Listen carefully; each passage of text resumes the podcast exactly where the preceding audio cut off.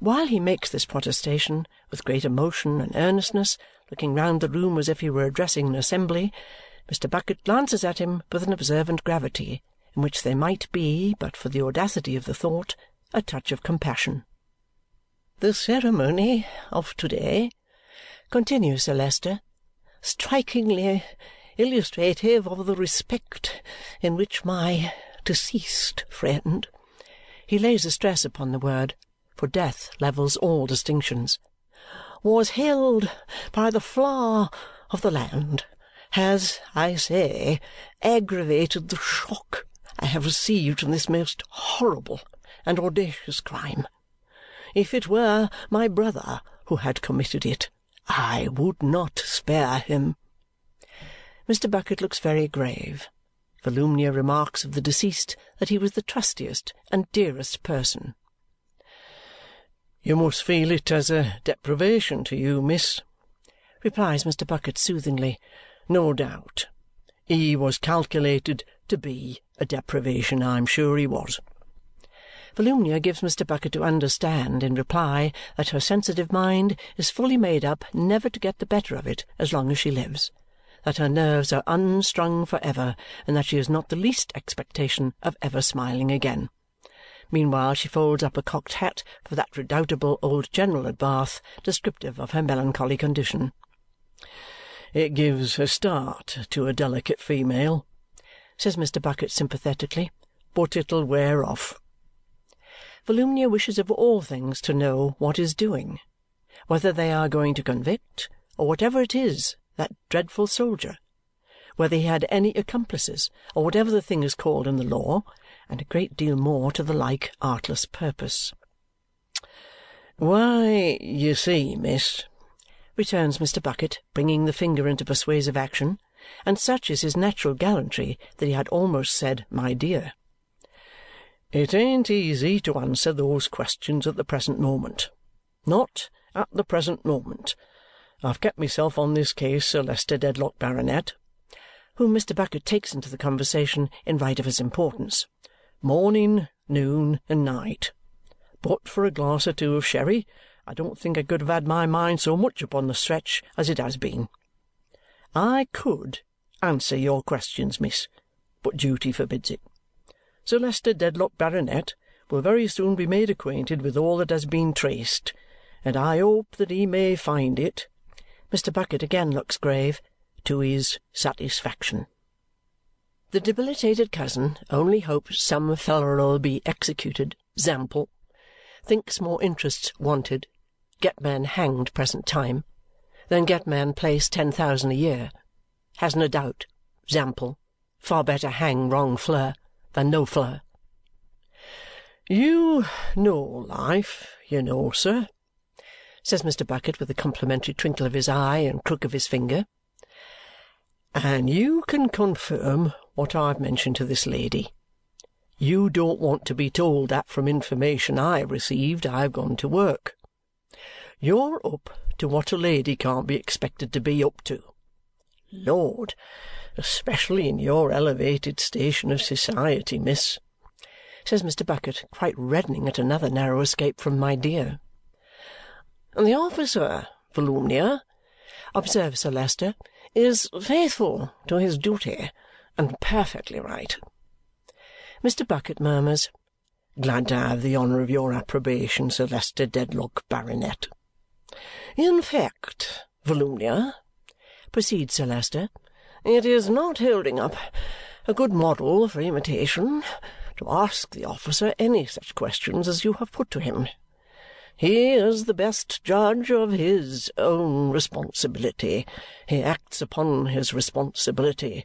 And it does not become us who assist in making the laws to impede or interfere with those who carry them into execution, or says Sir Leicester somewhat sternly, for Volumnia was going to cut in before he had rounded his sentence, or who vindicate their outraged majesty. Volumnia, with all humility, explains that she had not merely the plea of curiosity to urge, in common with the giddy youth of her sex in general, but that she is perfectly dying with regret and interest for the darling man whose loss they all deplore. "Very well, Volumnia," returns Sir Leicester. "Then you cannot be too discreet." Mr. Bucket takes the opportunity of a pause to be heard again. "Sir Leicester Dedlock, Baronet. I've no objections to telling this lady, with your leave and among ourselves, that I look upon the case as pretty well complete. It is a beautiful case, a beautiful case, and what little is wanting to complete it, I expect to be able to supply in a few hours." "I am very glad indeed to hear it," says Sir Leicester. "Highly creditable to you.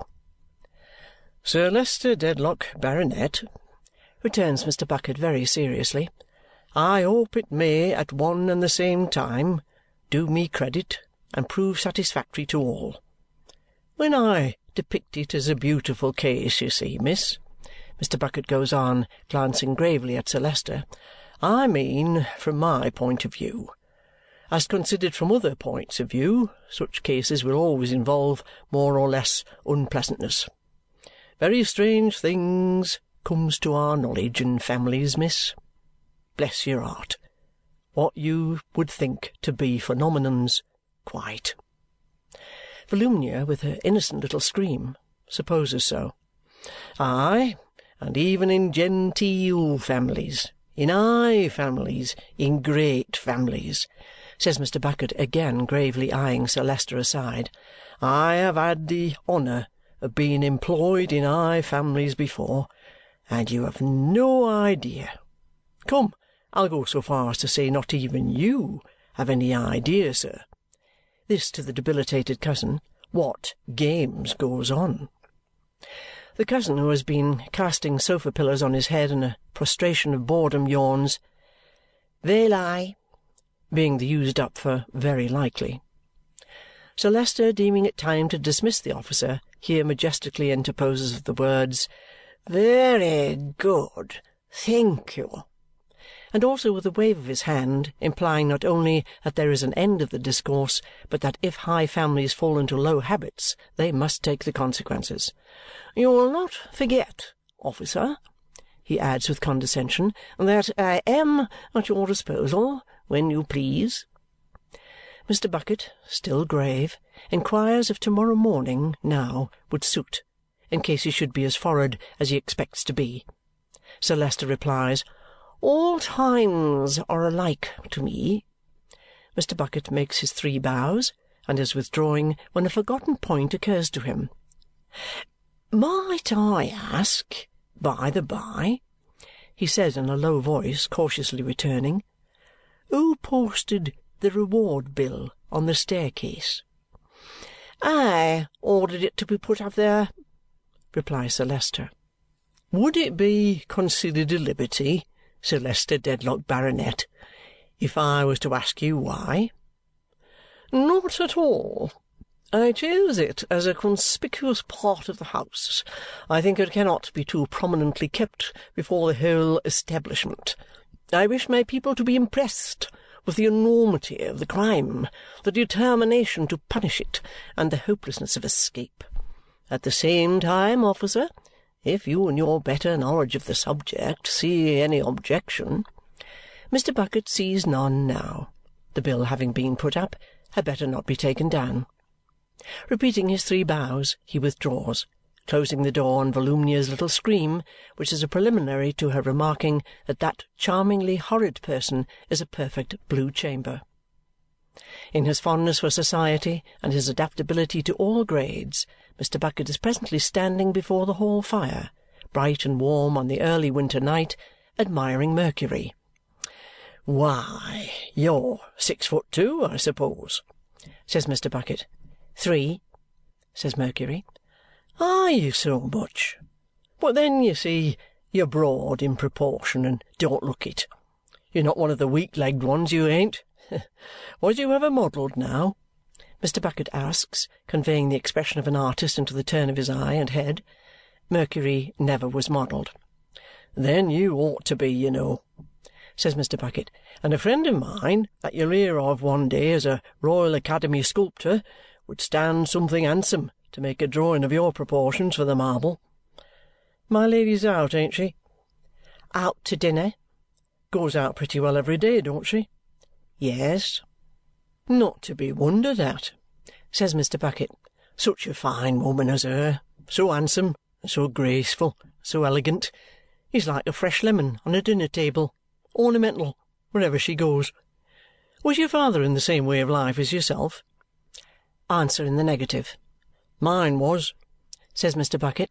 My father was first a page, then a footman, then a butler, then a steward, then an innkeeper, lived universally respected, and died lamented. Said with his last breath that he considered service the most honourable part of his career, and so it was. I've a brother in service and a brother-in-law.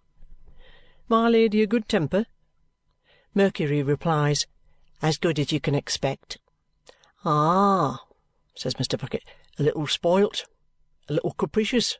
Lord, what can you anticipate when they're so handsome as that? And we like 'em all the better for it, don't we? Mercury, with his hands in the pockets of his bright peach blossom small clothes, stretches his symmetrical silk legs with the air of a man of gallantry and can't deny it. Come the roll of wheels and a violent ringing at the bell. Talk of angels, says Mr. Bucket, here she is. The doors are thrown open, and she passes through the hall. Still very pale, she is dressed in slight mourning and wears two beautiful bracelets. Either their beauty or the beauty of her arms is particularly attractive to Mr. Bucket. He looks at them with an eager eye and rattles something in his pocket. Halfpence, perhaps. Noticing him at his distance, she turns an inquiring look on the other Mercury who has brought her home. Mr. Bucket, my Lady. Mr. Bucket makes a leg and comes forward, passing his familiar demon over the region of his mouth. Are you waiting to see Sir Leicester? No, my Lady. I've seen him. Have you anything to say to me? Not just at present, my Lady. Have you made any new discoveries? A few, my Lady. This is merely in passing. She scarcely makes a stop and sweeps upstairs alone. Mr. Bucket, moving towards the staircase foot, watches her as she goes up the steps. The old man came down to his grave, past murderous groups of statuary repeated with their shadowy weapons on the wall, past the printed bill which she looks at going by, out of view. She's a lovely woman too, she really is, says Mr. Bucket, coming back to Mercury. Don't look quite healthy, though. Is not quite healthy, Mercury informs him. Suffers much from headaches. Really? That's a pity. Walking, Mr. Bucket would recommend for that. Well, she tries walking, Mercury rejoins, walks sometimes for two hours when she has them bad. By night, too. Are you sure you're quite so much as six foot three? asks Mr. Bucket, begging your pardon for interrupting you a moment. Not a doubt about it. You're so well put together that I shouldn't have thought it. But the household troops, though considered fine men, are built so straggling. Walks by night, does she? When it's moonlight, though? Oh, yes, when it's moonlight. Of course. Oh, of course. Conversational, acquiescent on both sides. I suppose you ain't in the habit of walking yourself, says Mr. Bucket. Not much time for it, I should say. Besides which, Mercury don't like it. Prefers carriage exercise. To be sure, says Mr. Bucket. That makes a difference. Now I think of it, says Mr. Bucket, warming his hands and looking pleasantly at the blaze. She went out walking the very night of this business. To be sure she did. I let her into the garden over the way. And left her there. Certainly you did. I saw you doing it. I didn't see you, says Mercury. I was rather in a hurry, returns Mr. Bucket, for I was going to visit a aunt of mine that lives at Chelsea, next door but two to the old original Bun House. Ninety year old, the old lady is. A single woman, and got a little property. Yes, I chanced to be passing at the time. Let's see. What time might it be? It wasn't ten. Half past nine.